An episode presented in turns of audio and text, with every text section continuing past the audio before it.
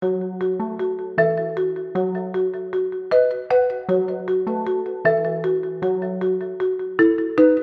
is Koffie met Kief Kief. De format van onze podcast is eenvoudig. Een tas koffie, een interessante spreker en een boeiend gesprek over belangrijke maatschappelijke thema's.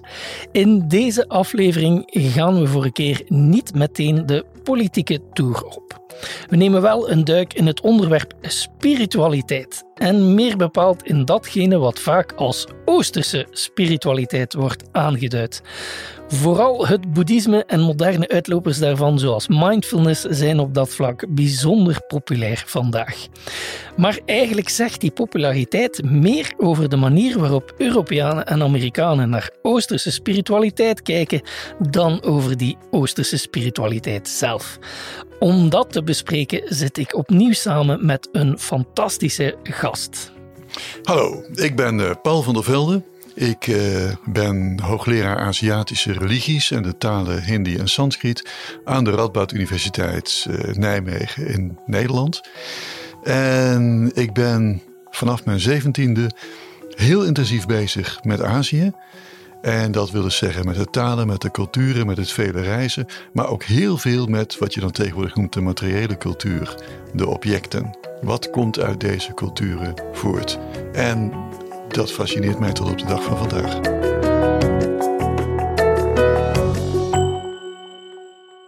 Paul, uh, je publiceerde dit jaar het lijvige boek De Huid van de Goden. Ja. En dat boek telt zowaar 862 pagina's. Ik vind het zelf een heel intrigerend boek, omdat het aan de ene kant zeer antropologisch en beschrijvend is over objecten ook echt en, en verhalen en over uh, de materialiteit van culturen en religies die je in Azië aantreft. En aan de andere kant is uw boek ook heel erg persoonlijk. Uh, en dus dat viel mij op, want hoewel dat je al zeer veel boeken hebt geschreven, aangezien dat dit zo'n dik, lijvig boek is, je wou duidelijk nog iets kwijt. Ja. En wat je kwijt wou, heeft duidelijk veel te maken met de verhouding tussen innerlijk en uiterlijk. Ja. In Europa wordt namelijk eh, vaak nogal naar Oosterse spiritualiteit gekeken als iets wat louter met het innerlijk bezig is. Men plaatst het vaak ook in contrast met religies als christendom, jodendom en islam, die dan te veel met leefregels en uiterlijkheden zouden bezig zijn. Maar als uw boek iets aantoont, dan is het wel dat ook Azië bol staat van de uiterlijkheden en dat het innerlijke zeker niet altijd daar centraal staat. Uh, dus mijn eerste vraag is dan ook heel eenvoudig. Waarom je het zo belangrijk vond om dat met zo'n stevig boek ja. duidelijk te maken? Nou, het boek is inderdaad nogal zintuigelijk. Het is groot. Hè? Dat, dat, dat, dat, scheelt, een gewichtig boek. Um, wat ik, ik, ik ben op mijn negentiende voor het eerst naar India gegaan. Ik ben nu 61. En uh, ja, ik had ook dat beeld, hè, waarom ik op de middelbare school India, Hindoeïsme en Boeddhisme ontdekte. Dat had met die innerlijke wereld te maken. Hè, met meditatie, met mensen die yoga deden, al dat soort zaken meer. Maar dan kom je in India en het eerste wat je overvalt, het was de maand mei toen, heat en dust, hitte, stof, kleuren, impressies. Waarom begint een inleiding Hindoeïsme met meditatie, et cetera, of, of, of met de Veda, terwijl India juist één en al zintuigelijkheid is? En dat, daar, daar, daar klopt iets heel erg niet in onze beschrijving, in onze waarneming. Stap een hindoe-tempel binnen. Eén uh, en al kleur. Het vermiljoenpoeder wordt direct op je voorhoofd gesmeerd. Dat loopt dan met zweetdruppeltjes in je ogen, achter je contactlenzen en zo. Juist die zintuigelijkheid, die is zo onvoorstelbaar belangrijk. Je staat in een, uh, in een, rij, met een rij met hindoes te wachten, met een paar duizend mensen, tot je een bepaald beeld mag zien. Nou, die mensen dringen dusdanig het is snikheet. Je hebt niet eens meer door wiens zweet precies over jouw lichaam aan het stromen is. Nou, die aspecten uh, in Azië vielen mij gigantisch op in de loop der jaren. Ja, ik, ben meer dan 60 keer in India geweest en ook talloze malen in andere landen. Dus mijn ecologische footprint is een beetje groot. Sorry, ik zal het nooit meer doen. Maar uh, ja, doe zo weer. Maar uh, dat, dat, dat is gewoon gebeurd. Maar juist die, dat, dat contrast tussen de zintuigelijkheid als je in Azië bent geweest en het hele ja, mentale beeld dat we hier hebben van boeddhisme en hindoeïsme, daar zit een enorme discrepantie in. En dat was voor mij de reden om eens te zeggen: nee, nu gaan we eens heel erg kijken naar uiterlijkheden van Azië. De mens in Azië, dat is het grootste hoofdstuk geworden. De aarde in Azië. Wat zien we? Wat voelen we? Ik, ik begeleid vaak toeristenreizen naar Azië. En als we in China komen in de Tanggraven, die, prachtige graven van de Tang en de Han-dynastie. Als de bewaking even niet kijkt, hebben de mensen in de bus vaak al verteld. Zorg dat je even aan de muur gesnuffeld hebt. Je moet die klei even ruiken. Even ruiken hoe die, die klei van Shaanxi, hoe die ruikt. En als je even de kans hebt dat niemand kijkt, even je vinger nat maken aan je mond en eventjes ruiken aan die natte klei. Want dat, dat, dat zegt iets. Een zintuigelijkheid die we dus eigenlijk, ja, als we over Azië praten, helemaal vergeten. Een, een, een stap in de Indiase stad binnen. De gigantische billboards van de Bollywoodfilms. De herrie. want uh, religie gaat vaak over herrie. Nou, India is bepaald geen uitzondering. Het is een bijzonder lawaaiig land. Het is niet vreemd dat mensen stilte in zichzelf moeten zoeken als, als, er, als er zoveel herrie om je heen is. Het, het, het, is nergens anders. Als je bij een joint family in huis hebt gewoond, dat heb ik een aantal keren. En zo'n huis wordt bevolkt door 40 mensen ja, waar wil je rust gaan vinden? Dat, je, je moet jezelf in jezelf leren terugtrekken. Dus het is niet afwezig, maar het is veel minder prominent, veel minder aan de buitenkant waarneembaar dan wij in het Westen vaak denken. Mhm. In uw boek uh, staan er, uh, ik zei het is 800 bladzijden, al meer dan 800 bladzijden. Um, kunt je misschien, hebt al een paar dingetjes vermeld, maar kunt u uw meest um, voor uzelf favoriete uiterlijkheden uh, de twee meest favoriete uiterlijkheden uit uw boek? Of, of begin met de eerste. Ja, ja, ja. Nou, uh, ik ben heel veel in Cambodja geweest. Dus, dus toen Cambodja net open was, hè, toen de Rode Khmer nog in Siem Reap zat, die plek waar vlak bij de Angkor-tempels. Uh, dus ik ben daar heel veel geweest. En ik heb daar heel veel mensen ontmoet in de loop uh, der jaren. En uh, er is één persoon die ik in het boek ook uitvoerig aan het woord uh, laat. En die heeft mij uitgelegd waar hij op let als hij een brons gaat beoordelen op is het nou oud, is het nou echt, wat, echt dan ook mogen zijn, want dingen zijn echt op basis van hun bestaan, maar is het echt uit die traditie? En dan ging hij daar met water op, waterdruppels daarop. Dan moesten drie kleuren ontstaan in de corrosie en een bepaald luchtje. En daar heeft hij me ontzettend in getraind. En uh, ik zal nooit meer gewoon neutraal naar een Cambodjaans brons kijken. Ik kijk met, met, met zijn ogen, bij wijze van spreken. Nou, dat is zo'n opvallende textuur. Dat is er zo een. Uh, een andere. Ik heb in Bangkok ooit geleerd van een oude Chinees daar. Hoe je, zoals hij dat dan deed, op basis van de geur. Uh, Chinese terracotta's op ouderdom kon beoordelen. En er moest inderdaad, als de vitrine open ging, een bepaald geurtje zijn. Nou, als je het beeld van onderen, als je het beeld kon oppakken. En dan ruik je aan de onderkant en je ruikt zo'n heel typisch luchtje. En je kunt het haast niet eens omschrijven wat het is. Het is oud, het is aarde, het is verrotting. Dat soort geuren bij elkaar. En uh, ja, dat heeft hij mij geleerd. Nou is het wel zo dat uh, ik in het verleden, uh, zo'n jaar of dertig geleden, durfde te zeggen: dit is echt op basis van dat luchtje. Men is zo knap geworden in vervalsingen dat ik dat echt niet meer durf te zeggen. Want men stopt vaak aan de binnenkant het oude materiaal. En dan heb je het luchtje wel. Het luchtje blijft niet, maar het is er. En toch, als ik mijn eigen vitrines dan open doe, is er nog steeds die walm zoals ik dat in Bangkok heb geleerd. En uh, daar ga je van houden. Het, het, brengt de herinnering met zich mee van die mensen van wie je het geleerd hebt. Dat is natuurlijk heel wezenlijk, want die hebben mij ook gevormd, die mensen.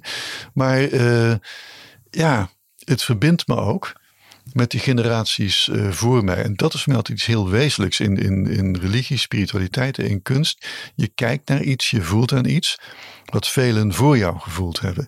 En dat, daar zit iets. Het, het verbindt je door heel veel generaties heen. Mhm.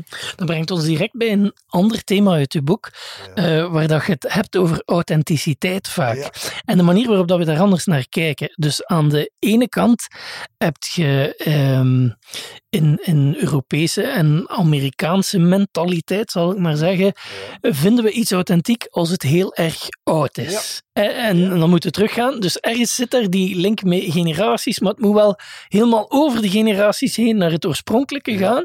Terwijl dat in Azië, zegde, is de manier van kijken naar is iets authentiek, wordt het gebruikt in rituele context en, en refereert het naar iets, het zit anders in elkaar. Misschien moeten we even nog toelichten wat het verschil is. Dus inderdaad, die rituele context is veel wezenlijker. Kijk, uh, wat, wat is authenticiteit? En ik, ik, ik denk heel sterk, ik ben ook niet de enige die dat denkt, dat als wij het hebben over authenticiteit, uh, dan hebben we een heel romantisch beeld in ons hoofd. Authentiek, authentiek betekent echt of zo. Terwijl de dingen zijn echt op basis van hun bestaan. Maar uh, het maakt natuurlijk uit in wat voor context iets echt is. Ik kan het heel concreet uh, illustreren. In Burma wordt van het oude hout van kloosters en van tempels worden Boeddha-beelden gemaakt. En de voorstelling is dit: dat hout wat onderdeel is geweest van een tempel. Daar hebben de monniken hebben daar binnen zo lang zitten reciteren. dat dat hout helemaal geïmpregneerd is met de kracht van de taal van die monniken. Dat is bijna een magisch idee. Als je nou van dat hout, dat oude hout, een Boeddha maakt. en je zet die Boeddha in jouw huis neer. dan zullen alle geesten direct gillend het huis verlaten. Dat, dat, dat, dat, is nou eenmaal zo, want die kunnen niet tegen die, die reine Pali-taal, de Palische taal van het oude boeddhisme in Myanmar, Burma. Dus daar kunnen die geesten niet tegen. Zo'n Boeddha zet je in huis om het huis te reinigen. Ook als je iemand in huis hebt die uh, psychische problemen heeft, dat wordt toegeschreven aan bezetenheid. Die geest zal de persoon verlaten als er zo'n Boeddha in de buurt is. Nou, het hout van zo'n Boeddha is oud, het snijwerk is nieuw. In de traditie is die dus helemaal echt. Dat is een echte Boeddha. Ga ik daarmee naar het Spiegelkwartier in Amsterdam, hè, waar de grote galeries zitten, dan word ik de winkel uitgelachen natuurlijk. Ja, meneer, het materiaal is oud. U bent erin getrapt. Het snijwerk is nieuw, is 20e eeuw. En dat is een enorm verschil tussen de kunsthandel, wat de kunsthandel authentiek noemt, en wat authentiek is in zo'n traditie. een goede vriend van mij heeft een enorme winkel met Boeddha's. In een kerk staat hij, prachtige beelden. En uh, dan hoor je mensen zeggen: ja, driekwart zal wel een neppert zijn. Maar wat bedoel je met die opmerking neppert? Een Boeddha is echt op basis van het feit dat hij bestaat. Als je in uh, Bangkok komt of in uh, Lampang in Noord-Thailand. In Lampang, daar, kijk in Bangkok heb je de Prakeo Boeddha. Dat is een, de, de emeralde Boeddha. Die alle toeristen gaan bekijken als ze in Bangkok zijn. is een prachtige tempel, dat moet je ook zeker doen. In Lampang zegt ze dat ze daar de echte Prakeo Boeddha hebben. Die is echter, vinden ze zelf. En dan kun je plastic kopietjes kopen van dat beeld. En die hebben naast het origineel gestaan. En delen daarmee in de kracht. Nou, dat is dus plastic. En we zouden hier zeggen dat is een kitsch, dat is nep, dat is uh, kerstdecoratie of zo. Wel, nee, in de traditie zijn die helemaal echt. Want die, die delen in de kracht van die authentieke uh, Boeddha. En dat noemen wij hier niet authentiek. En in Azië is dit zo authentiek als wat. Als je in Mandalay komt, in uh, Myanmar, daar is uh, Mandalay Heuvel is daar. En daar gaan alle mensen naartoe om uitzicht te hebben over de stad Mandalay. Halverwege is een tempel waar niemand stopt. En in die tempel worden een paar relieken van de Boeddha bewaard. En dat zijn waarschijnlijk echte. Die zijn door de Engelsen gevonden in uh, Peshawar opgegraven, zijn naar Engeland geweest, naar Londen geweest. Uiteindelijk zijn ze teruggegeven aan Myanmar, omdat dat boeddhisten zijn. Uh, mensen uit Myanmar stoppen daar niet, gaan ze niet bekijken. Terwijl de kans dat dit nou net echte authentieke relieken van de Boeddha zijn, betrekkelijk groot is. Nee, in Myanmar is men veel bezig met de tanden van de Boeddha. En met name de kopieën daarvan, die hebben naast de originele tanden gelegen. Die delen in de kracht. En dat is een heel ander beeld van wat authentiek is. Met authentiek bedoelen wij in het Westen heel vaak echt. En echt betekent oud. En dat is helemaal niet gezegd. Dat, dat is een heel erg tijd- en cultuurgebonden idee. Dat dan is iets pas echt. Want met authentiek bedoelen wij doorgaans oud. Ik merk het ook als mensen een Boeddha willen kopen. Dan krijg je altijd, eh, in Azië krijg je altijd die hele toestanden. Mag je een Boeddha kopen of niet? Allemaal taalkundige kwesties zijn dat vaak. En dan komen mensen een Boeddha tegen en vragen dan, maar is deze echt? En mijn wedervraag is dan, wat bedoel je met echt? De, de, in materie is hij echt. Ja, dan bedoel je, ja, is hij authentiek? Dan haal ik de vraag in feite, wat is authentiek? En dan komt meestal de uitspraak, is hij oud? Want oud staat voor kwalitatief. Staat voor goed. Zeker als het beeld er nog helemaal gaaf is. Als er geen enkel vingertje afgebroken is of zo. Terwijl het een beetje verdacht als dingen oud zijn en niet kapot, dan uh, kan er ook iets niet kloppen. Maar uh, het zegt iets over ons. Hè? Hoe wij naar die cultuur kijken. Iets is authentiek. Iets is echt. En dat verbindt ons blijkbaar met iets heel wezenlijks. En dat, dat verbind ik echt met de 19e eeuwse romantiek. Als we even op die 19e eeuwse romantiek komen, um, ik wil er eerst nog iets bij betrekken. Omdat authentiek voor ons is een beetje dubbel. Aan de ene kant moet het iets oud zijn. En aan de andere kant vinden we ook iets authentiek als het heel erg nieuw is. Als je het heel creatief en, en dan zit je authentiek jezelf. Maar je schrijft dat ook ergens in je boek van ja, ergens is dat absurd, want er bestaat niks echt nieuw. Uh, zelfs al zijt je de meest creatieve kunstenaar, alles wat je uitvindt of creatief maakt, is uiteindelijk gebaseerd op elementen die er al waren voor u en die je, die je samenlegt tot iets nieuw in zekere zin, maar tegelijkertijd is het op oude dingen gebaseerd. Dus we zijn daar een beetje schizofreen zou ik wel kunnen zeggen. Van aan de ene kant ja.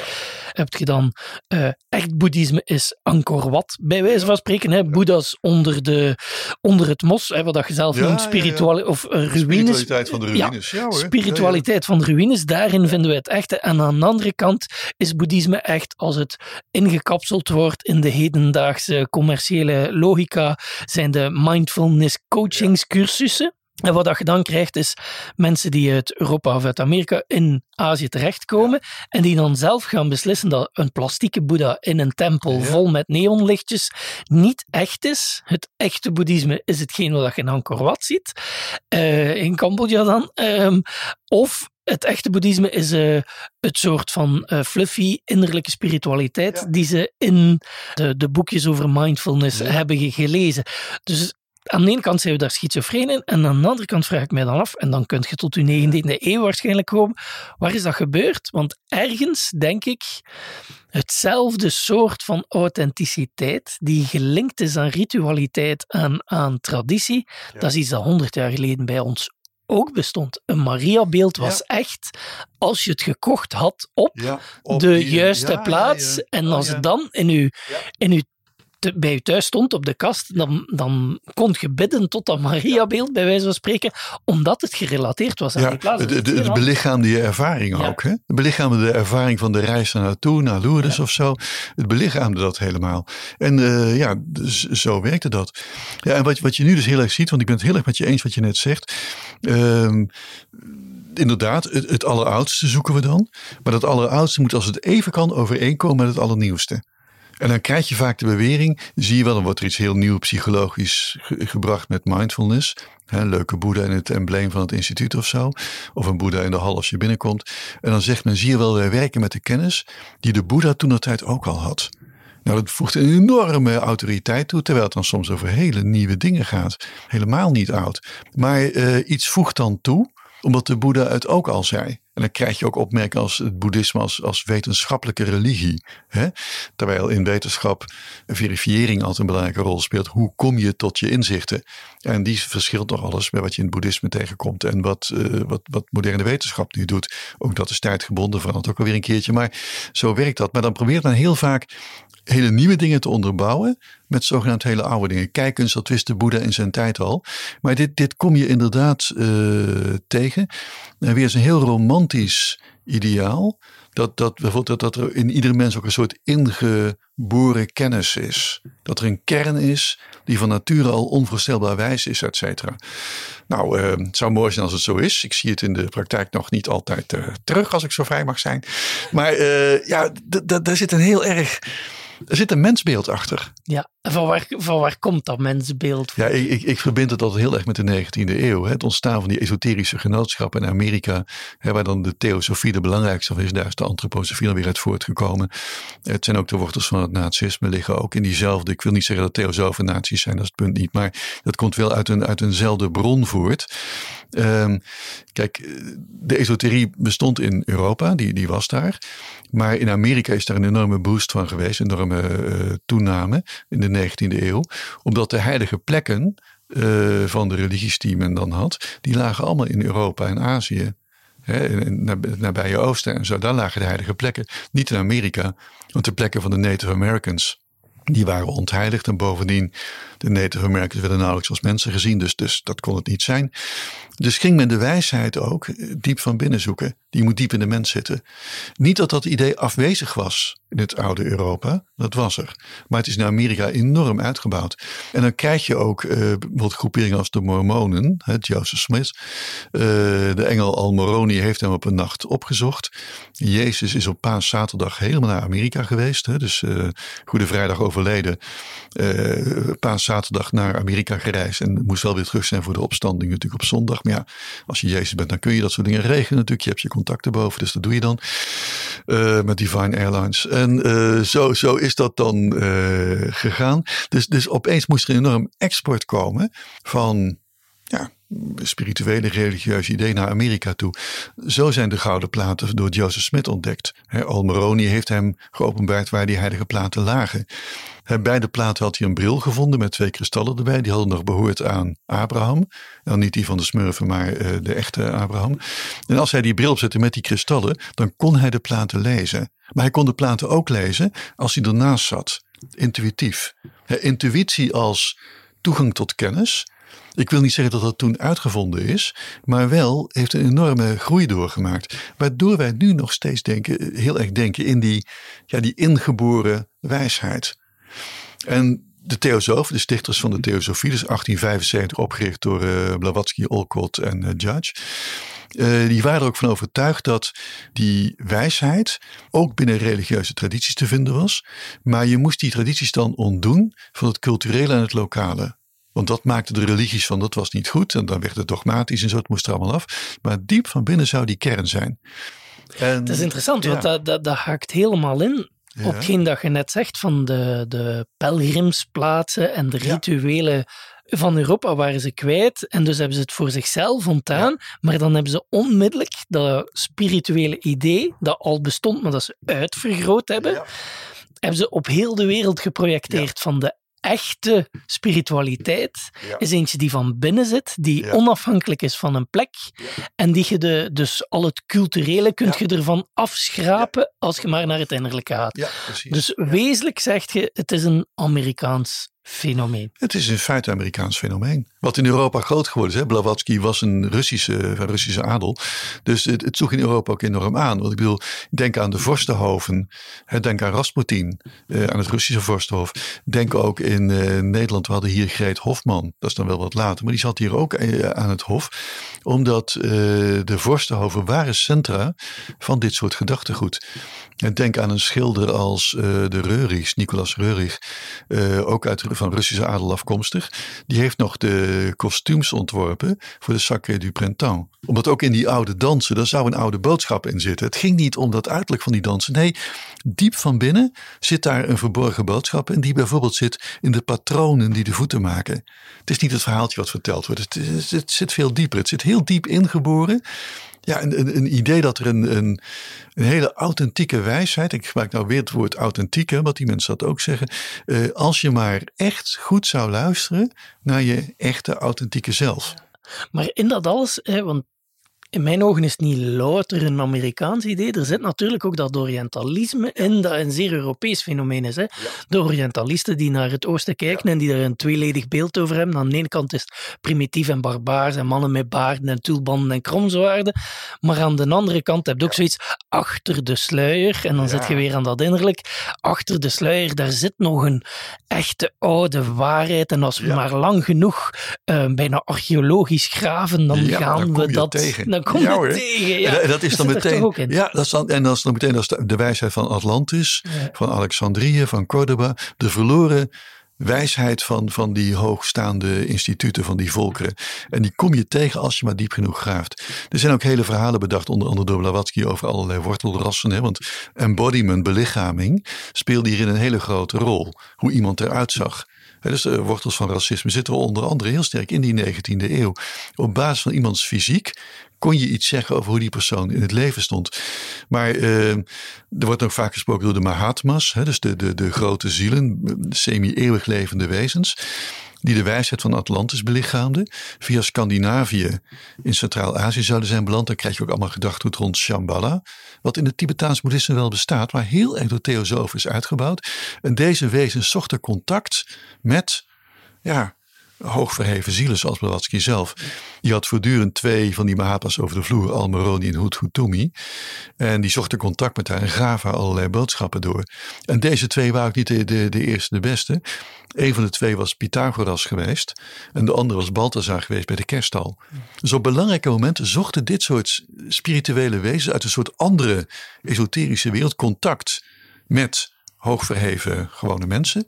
Maar en, en eventjes voor alle duidelijkheid, wat je daar zegt is wel waar natuurlijk, dat die theosofie in dezelfde uh, gedachtensfeer zit als uh, toenmalige rassentheorieën enzovoort. Wat je ook letterlijk ziet, hè, die, uh, een van die twee figuren die je net noemt, ben vergeten wie van de twee, is ook echt zo de typische Jezusfiguur. Ik bedoel, een bruine baard met blauwe ogen, oh, zo, hè, wat daar helemaal niks te maken heeft met, nog met de noos laat staan met Tibet enzovoort. Maar zo wordt die wel dan gepercipeerd. Wat dat veel zegt over hoe dat in die theosofie inderdaad hoog verheven betekende ergens ook een beetje uh, wit met blauwe ogen. Wit met blauwe ogen, en met name man ook. Hè? Ja. Dat was Blavatsky was een vrouw, maar goed. Nee, maar dat, dat, werd inderdaad als zodanig gezien. En dat was ook de voorstelling dat, dat uh, ergens in Centraal-Azië, en vaak hoorde je dan Tibet zeggen of, of Bhutan of zo. En Tibet was natuurlijk sinds de 17e eeuw hermetisch gesloten door de vijfde Dalai Lama. Was ik de gedachte dat daar het Rijk Shambhala bestond. En de inwoners van Shambhala waren blond met blauwe ogen. En Tibetanen waren primitief genoeg, agressief genoeg om buitenstaanders buiten te houden. En primitief genoeg om deze, of spiritueel genoeg om het zo te zeggen, om deze Mahatma's met rust te laten. Dat soort gedachtgoed was vrij gewoon. De nazi's zijn ook daadwerkelijk naar Tibet getrokken. Hebben ook schedelmetingen uitgevoerd daar om, om te kijken of Tibetanen toch niet echt bij nader inzien Arisch waren en zo. Hè? Toch niet in een bepaalde in de Europees. Maar ook Blavatsky, Olcott, uh, in de Europees was in orde. Semitisch was niet goed. Ja, dus het christendom was eigenlijk niet goed, want het christendom was semitisch van oorsprong. Alleen het esoterische christendom. Diep in dat christendom zou toch een boodschap zitten die dan weer wel in orde zou zijn. Want ja, het, het moest wel Indo-Europees zijn. Ja, dat werd ook heel erg, dat, dat waren niet alleen maar taalkundige kwesties. Nee, dat werden hele culturele concepten. Werden dat. uh, het Jodendom was niet Indo-Europees. En bijvoorbeeld uh, de naties hebben echt achter de ark van het verbond aangezeten. Dus die film Indiana Jones en hoe heet je ook weer, Raiders of the Lost Ark. Dat is gebaseerd op echte feiten. Indiana Jones zelf is gebaseerd op Langdon Borden. Dat was een ontdekkingsreiziger aan de zijderoute. Dat is ook een historische persoon. En uh, inderdaad, de nazi's waren op zoek naar dat soort schatten. Ze hebben de graal gezocht in Centraal-Azië. Maar ze hebben ook gezocht naar de ark. Want de ark was eigenlijk in de Europees. Maar door het Jodendom opgeëist. En daardoor was hij in Joodse kringen beland. Dat was dan niet in orde. Nee, hij moest terug naar de oude Indo-Europeanen. Ze hebben ook een nazi-Boeddha gevonden een beeld van een meteoriet gemaakt. Ik weet niet waar de present whereabouts unknown, ik weet niet waar die nu is. Maar ze hebben een beeld gevonden wat een beetje lijkt op een Tibetaanse heilige. Eh, volgens mij is, uh, als je mij vraagt, is dit beeld oud? Dan zeg ik nee. Uh, maar dan moet ik zelf met mijn, met mijn termen gaan uitkijken. Is het authentiek? Ja, in die natieogen was het zeer authentiek. gebaseerd op weet ik wat voor ideeën. Vanuit de kunstgeschiedenis is het nep. Maar binnen die ideologie van die naties was dit beeld eh, de nazi-boeddha. stond ook een swastika op de borst, et cetera. Dus ja. Maar die, die swastikas zijn wel all around. Ik bedoel, het, is, het is, een normaal teken voor uh, de vergankelijkheid, voor, voor het draaien van het rad van het leven en het universum en zo. Waarom dan specifiek die nazi-boeddha, want ik ken dat beeld ook, waarom die eruit nemen? Ik bedoel, de swastikas zijn overal, maar dan in één keer dat beeld, dat toevallig ook een swastika op zich heeft, dat daar zo uithaalt. Ik denk dat ze me aangelegd hebben hoor. Gewoon die, die swastika erop gemaakt hebben, omdat ze een beeld willen hebben dat aan de ideologie voldeed. Ja, ja. de swastika is mogelijk ontstaan uit het sterrenbeeld Grote Beer, uh, verbonden aan de Poolster. Ja, alles draait om de Poolster, het noordelijk halfrond. En als je uh, vanuit de Poolster dus een verbinding legt naar de Grote Beer en je bekijkt die in de vier seizoenen, dan hou je inderdaad een swastika over, een swastika-achtig teken. Dus mogelijk is dat de oorsprong van de swastika. Maar uh, voor de luisteraars van de podcast, we zijn nu misschien een beetje rap aan het gaan in een aantal dingen. Het is niet dat de swastika van India uh, rechtstreeks gerelateerd is met de swastika van de nazi's. Hè? Is dat... Nee, zeker niet. Nee. Ik heb ooit gelezen, ik weet niet of je daar iets van wist, dat, dat het veel eer een man zou geweest zijn, een archeoloog, die ergens in de streken van Turkije zelfs uh, swastika-tekens is tegengekomen. Want dat is natuurlijk van Turkije tot oh, India nog veel verder kun je dat, dezelfde teken tegenkomen. En, maar dat iemand was die folklore en het Arische ras, en niet vergeten het, de oorsprong van het Arische ras zag men daar, hè, Kleine Azië, Griekenland enzovoort, in dat gebied. En dus dat vanuit dat gebied dat men daar zo'n teken zou gevonden hebben en dat men dan heeft gebruikt in Nazi-Duitsland. Is dat ongeveer? Ja, dat, dat, dat, is, dat klopt wel, ja. Uh, de betekenis komt van su asti ka. Hè. Su betekent in het Sanskriet, het is helemaal een Sanskriet woord. Su betekent goed, asti het is. Ja. Het woordje as is nog verwant aan het Nederlandse woordje is. Su asti ka. En ka maakt een zelfstandig naamwoord van, dat het goed is. En dat is een gunstig teken. Vandaar is dat je de swastika in India op heel veel plekken tegenkwam en nog steeds tegenkomt. Het heeft daar niet die context, die duiding die het hier heeft. Nee, maar, maar hebben de nazi's zelf het woord swastika gebruikt daarvoor? Uh, bij mij weten wel, ja. Dat... En ze wisten dan ook dat het die betekenis had in het. Uh, ja, ja, als, als gunstig teken. Uh, ja.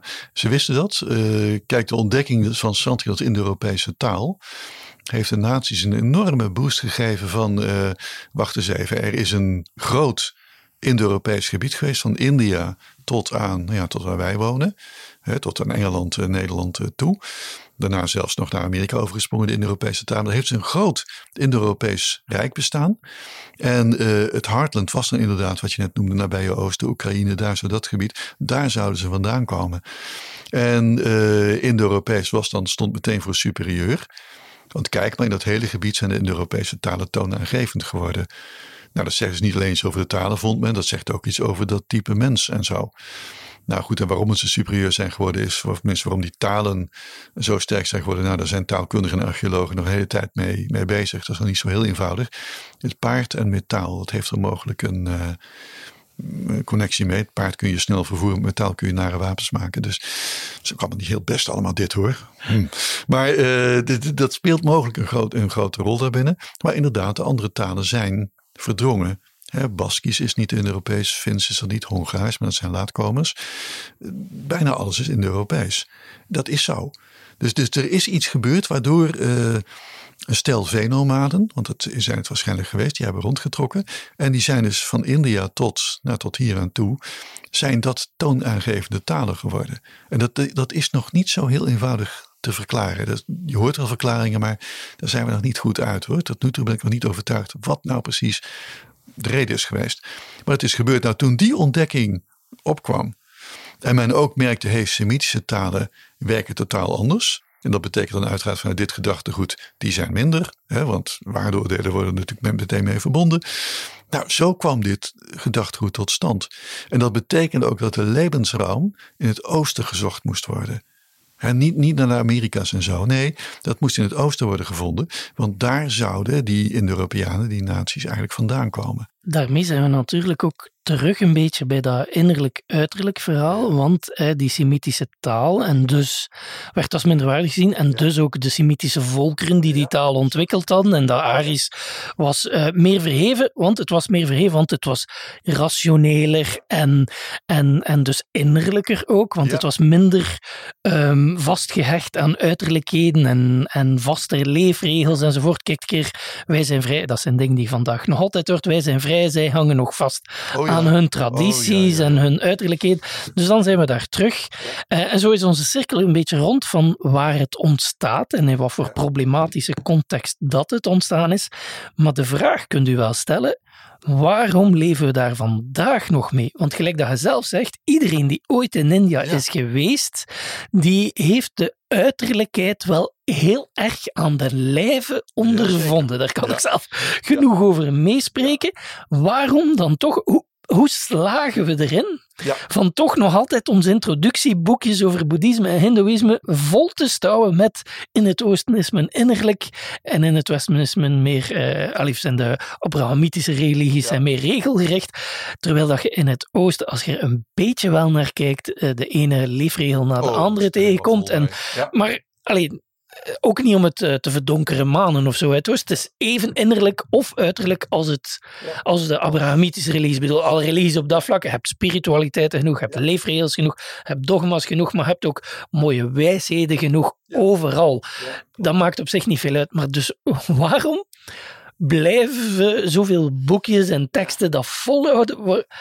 Moeten we dan gewoon besluiten, vandaag dient het nog altijd een ideologisch doel of ziet je dat anders? Nou, dat, dat we dit denken komt denk ik omdat Blavatsky ons heel diep door de aderen stroomt. Die beeldvorming speelt een enorme rol. hier in Nederland, de theo, er waren heel veel theosofen in Nederlands-Indië, de voormalige kolonie. Nou, uh, dat gedachtegoed is heel erg meegekomen naar Nederland. En we hebben nog steeds, we, we, kijken met een orientalistisch, romantisch beeld naar Azië. Dus enerzijds zijn die mensen heel wijs. En anderzijds, ja, maar zo ver zijn ze nog niet. Dat, dat, hoor je allebei tegelijk, hoor je dat in één alinea. Ik zeg het nou ook in één alinea. Maar je hoort dat mensen in één alinea zeggen. Ja, het zal nog lang duren voor het daar zo goed is als bij ons. Dat hoor ik mensen zeggen. En nog geen kwartier later, oh wat een wijsheid toch. Dat, dat, hè? dat, dat, hoor je mensen uh, achter elkaar zeggen. En uh, daar speelt de romantiek in, daar speelt de theosofie in, andere esoterische uh. Ook een diep verlangen dat er ergens een plek moet zijn waar het beter is dan hier. En dat wil zeggen minder jachtig en minder gehaast, et cetera. Nou, India, China, Japan, life is tough in Tokio. Het is, uh, dat, dat is helemaal niet zo zen als wij hier uh, maar denken. Het is gewoon niet waar, maar het is een heleboel beeldvorming. We willen het zo graag. We willen zo graag dat het ergens perfect is. En dat is toch ja, somewhere over the rainbow, hè, uh, waar de bluebirds en zo uh, rondvliegen. Uh, dat is toch nog steeds dat Shambhala gedachtegoed. Er moet ergens een perfecte plek op deze wereld zijn. En als die dan niet te vinden is ergens op aarde, ja, dan, of Ibiza of zo, dan maar diep in ons. En dan gaan we op een yogamat zitten. En dan gaan we dus inderdaad mindfulness doen. met de gedachte dat dat allemaal heel oud is. Terwijl de huidige yoga en de huidige mindfulness eigenlijk uh, hele nieuwe ontwikkelingen zijn. Maar dan kom je weer op die term authentiek. Kijk, als iemand yoga doet en daardoor gelukkiger wordt, wat is er dan mis mee? Waar, waarom moet dat per se 5000 jaar oud zijn? Dat hoeft helemaal niet.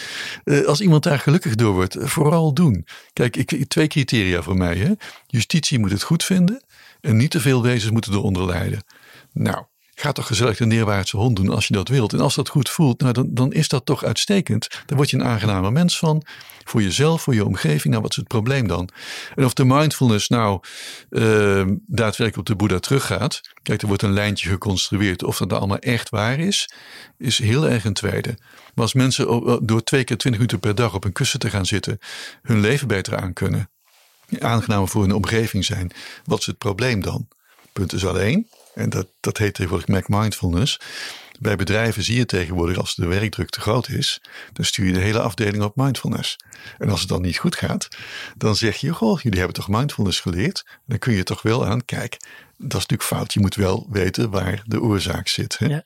Zie je, daarmee zijn we op een ideologisch kantje. Hè? Dus dingen die ontstaan zijn in een expliciet koloniale context, zitten nu in, uh, we kunnen nog altijd over een neocoloniale wereld spreken, maar vooral in een neoliberale, consumentistische context. En inderdaad in zo'n een raar idee dat gecreëerd wordt, alsof dat er ergens een zenparadijs bestaat, waar dat je eigenlijk naar streeft, maar tot wanneer dat je daar bent. Het is een, het is een heel bizar soort hiernamaals in het hiernamaals. Ja, je, streeft naar een zenparadijs in je leven ooit, maar op dit moment zijt je daar nog niet, dus moet je in de race verder en kun je glimpen van dat paradijs opvangen door af en toe een uurtje mindfulness te gaan doen, of nog veel straffer van dan uh, ene keer in het jaar een maand ergens in een all-in hotel te gaan zitten, uh, waar dat je geweldig gesoigneerd wordt door Thaise dames die je ook masseren. En daarna kun je ook nog uh, even bij de boeddhisten langs voor een meditatiecursus, dat soort dingen. Dus er zit, uh, er zit een een bizarre soort ja, verandering van ideologie in die, die toch dezelfde ideeën weer verder zet door de mindfulness happy in de kantoortuin. Hè? Daar komt het dan een beetje op neer. Ja, nee, dat zijn hele rare, bizarre dingen die, die zich in onze cultuur uh, kenbaar maken. Ja, ja, ik vind dat ook frappant in wat ik zelf de sauna-boeddha's noem. Hè. Uh, de, het feit dat je geen sauna niet meer kunt binnenlopen zonder daar een boeddha tegen te komen, ja. zit in datzelfde. Je creëert een soort van ideeel iets. Er is daar een wijsheid uit het oosten en we brengen dat af en toe bij u. En dus één keer in de week kunt je ontstressen met de boeddha bij u. En heel gevoelsmatig. En dan krijg je altijd het gebaar van dat het van je hoofd naar je hart moet gaan en zo. Naast de mindfulness krijg je ook de heartfulness inmiddels en zo. Hè? Compassion-based therapies en zo. Dus allemaal, eh, dat wordt heel erg op, op, op, op gevoels, emo, eh, emotioneel niveau gebracht. ja, en, ook, ja. Ook, ook, dat is weer een interessante, want uh, klassiek boeddhisme, zeker Tibetaans boeddhisme, uh, alleen waar ik dan nu toevallig van weet, waar dat er echt uh, uh, rituele momenten in bestaan van heel diepe discussies die zeer ja, erg theologisch en, en brainachtig ja, zijn. Hè? Helemaal niet van hoofd naar hart, maar Wel, van hart naar hoofd eerder. En dat kenmerkt het hele boeddhisme. Dat is in, in het Theravada boeddhisme niet anders. Dat is juist heel erg aanwezig. Maar in het westers boeddhisme niet. En dan hebben dus de monniken hebben ook echt wel keuzes gemaakt. En ook de leraren die dus in Azië les namen, die zagen al vrij snel, we moeten die Westelingen niet nog meer teksten geven en zo. Nee, laat ze maar voelen, want ze hebben al teksten genoeg. Terwijl dus inderdaad die debatingcultuur in het Tibetaans boeddhisme en uh, zo is het redeneren, een enorme traditie van redeneren, uh, van teksten van buiten leren kilometers teksten die van buiten geleerd moeten worden. Ja, daar is hier geen behoefte aan. En dan krijg je dus inderdaad dat mensen denken dat boeddhisme een en al gevoel is en uh, emotie en ik mag mijn emoties hebben. Nou, je moet maar eens een lekkere Theravada tekst lezen over hoe je met je gevoel dient om te gaan. Ik hoorde pas ook een mevrouw zeggen, maar Boeddha heeft nooit gezegd dat je niet lekker mag eten. Nou, dat heeft hij wel gezegd. Uh, haal de palikaan er maar eens bij. De walging betreffende eten.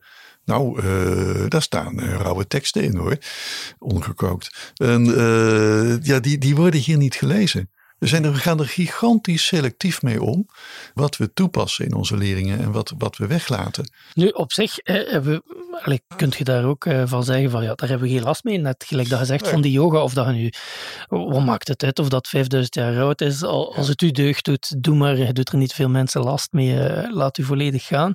Dus ook dat als je de Boeddha herinterpreteert alsof dat hij ja. dat inderdaad zou gezegd hebben, doe maar. Ook al, ook al is het volgens de Pali-kanon niet waar. Um, het probleem voor mij ontstaat wanneer dat, uh, mensen die niet tot de traditie behoren, voor anderen die wel al in een eeuwenoude traditie staan, gaan beslissen ja. wat dat waar is of niet. En dan zitten we weer bij eh, uh, commentaar hebben op de neon-boeddha's in een Thaise tempel of ja, zoiets van dit is een corruptie van het boeddhisme. Niet, niet wat de boeddha heeft bedoeld. Ja, dan, dan wordt het een beetje raar natuurlijk. Hè? En dus um, om misschien te gaan afronden, um, zou mijn vraag dan zijn, wat is volgens u, wat zijn uw adviezen om uit die koloniale kijk op de spiritualiteit van het Oosten te kijken. Hoe kunnen we op een gezonde manier met het, uh, de spiritualiteit van het Oosten omgaan? Ja. Nou, uh, sowieso door je er heel goed bewust van te zijn dat dit de beeldvorming is. Dus door daar veel over te lezen. En wat is er mis met lezen tegenwoordig? Gewoon lees eens een goed boek over dit soort kwesties. Dan uh, lees, daar eens goed over van goh, hoe, hoe kijken we eigenlijk naar onze culturen? Of naar die andere culturen, door onze eigen bril. En dan vervolgens uh, proberen opnieuw te kijken. Doe nou maar niet out of the box, want dat zegt iedereen al. Hè? Out of the box, nee, in de box, doe dat maar. Gewoon, maar probeer eens gewoon, wat zie je nou eigenlijk? En dat heb ik in dit boek heel erg dan ook geprobeerd. Uh, ik, ik, kom al, al, al, jaren in Azië. De eerste keer was 1978, dus 42 jaar geleden. Ja, leer van die discrepantie die je tegenkomt. Kijk hoe het gaat. Kijk hoe het in het echt is. En schrik dan ook niet als je merkt dat uh, Indiaanse gurus corrupt zijn of zo. Want dat komt allemaal voor. Het zijn mensen. Uh, nu, nu, speelt in het Westen, hier in Nederland ook heel sterk, dat een aantal uh, boeddhistische leraren heeft zich vergrepen aan leerlingen. Dat is allemaal gebeurd. En nou is iedereen geschokt. Niet zozeer dat het gebeurt, maar dat het boeddhisten zijn. Ja, wat dacht men dan? Kom, lees in Azië een krant en je komt die verhalen gewoon tegen wat er daar ook gebeurt. Dus het zijn mensen. Dat moeten we nooit vergeten. En we kunnen er best wel dingen van leren. Maar het kunnen zij ook van ons. Dat, dat, is, dat is wederzijds. En uh, ja, als, als het gaat om uh, wanneer lopen dingen nou uit de hand. Nou, de grote Belgische zenleraar Tom Hannes heeft mij ooit eens verteld. En dat is echt iets wat ik van hem onthouden heb. Als je aan je beste vrienden en familie niet durft te vertellen.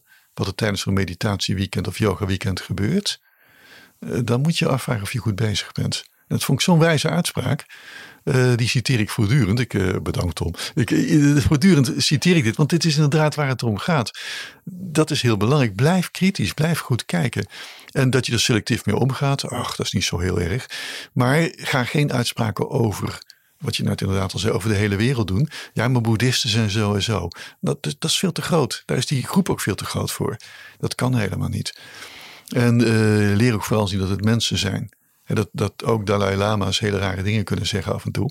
En uh, ja, dan vallen ze van hun voetstuk uh, af. Maar wie heeft ze op dat voetstuk gezet? Dat hebben we ook zelf gedaan dan. Dus waarom? Waar, waarom doen we dit? Waarom, moet het in Azië allemaal beter zijn dan hier? Het is gewoon niet zo. Wat mij Azië ook heel erg heeft uh, geleerd, wat Azië mij heeft geleerd, is heel erg terugkijken naar je eigen wortels. Waar kom je nou eigenlijk vandaan? En uh, niet om zomaar alles voor Azië in te leveren of zo. Zeker niet. Nee, nee, er zijn ook in onze cultuur hier grote verdiensten. Maar juist de dialoog tussen die twee. Trouwens, het is niet echt een dialoog, want het zijn, het zijn geen twee gesprekspartners. Ook dat is maar een construct. Dat Azië tegenover eh, het Westen staat. Dat is ook maar een manier om dingen uit te drukken. Er wordt het citaat van Kipling dat het bijgehaald. En dat citaat loopt verder. En daar gaat het juist over dat die dingen te overbruggen zijn. Dat het helemaal geen tegenstelling is. Dus blijf vooral kijken, ruiken, waarnemen. Wat gebeurt er eigenlijk? En blijf vooral kritisch. Op de anderen, maar ook op jezelf. Nou, dat soort uh, gedachtegoed. Fantastisch. Paul, heel erg bedankt voor dit uh, waanzinnig interessante gesprek. Graag gedaan, ja.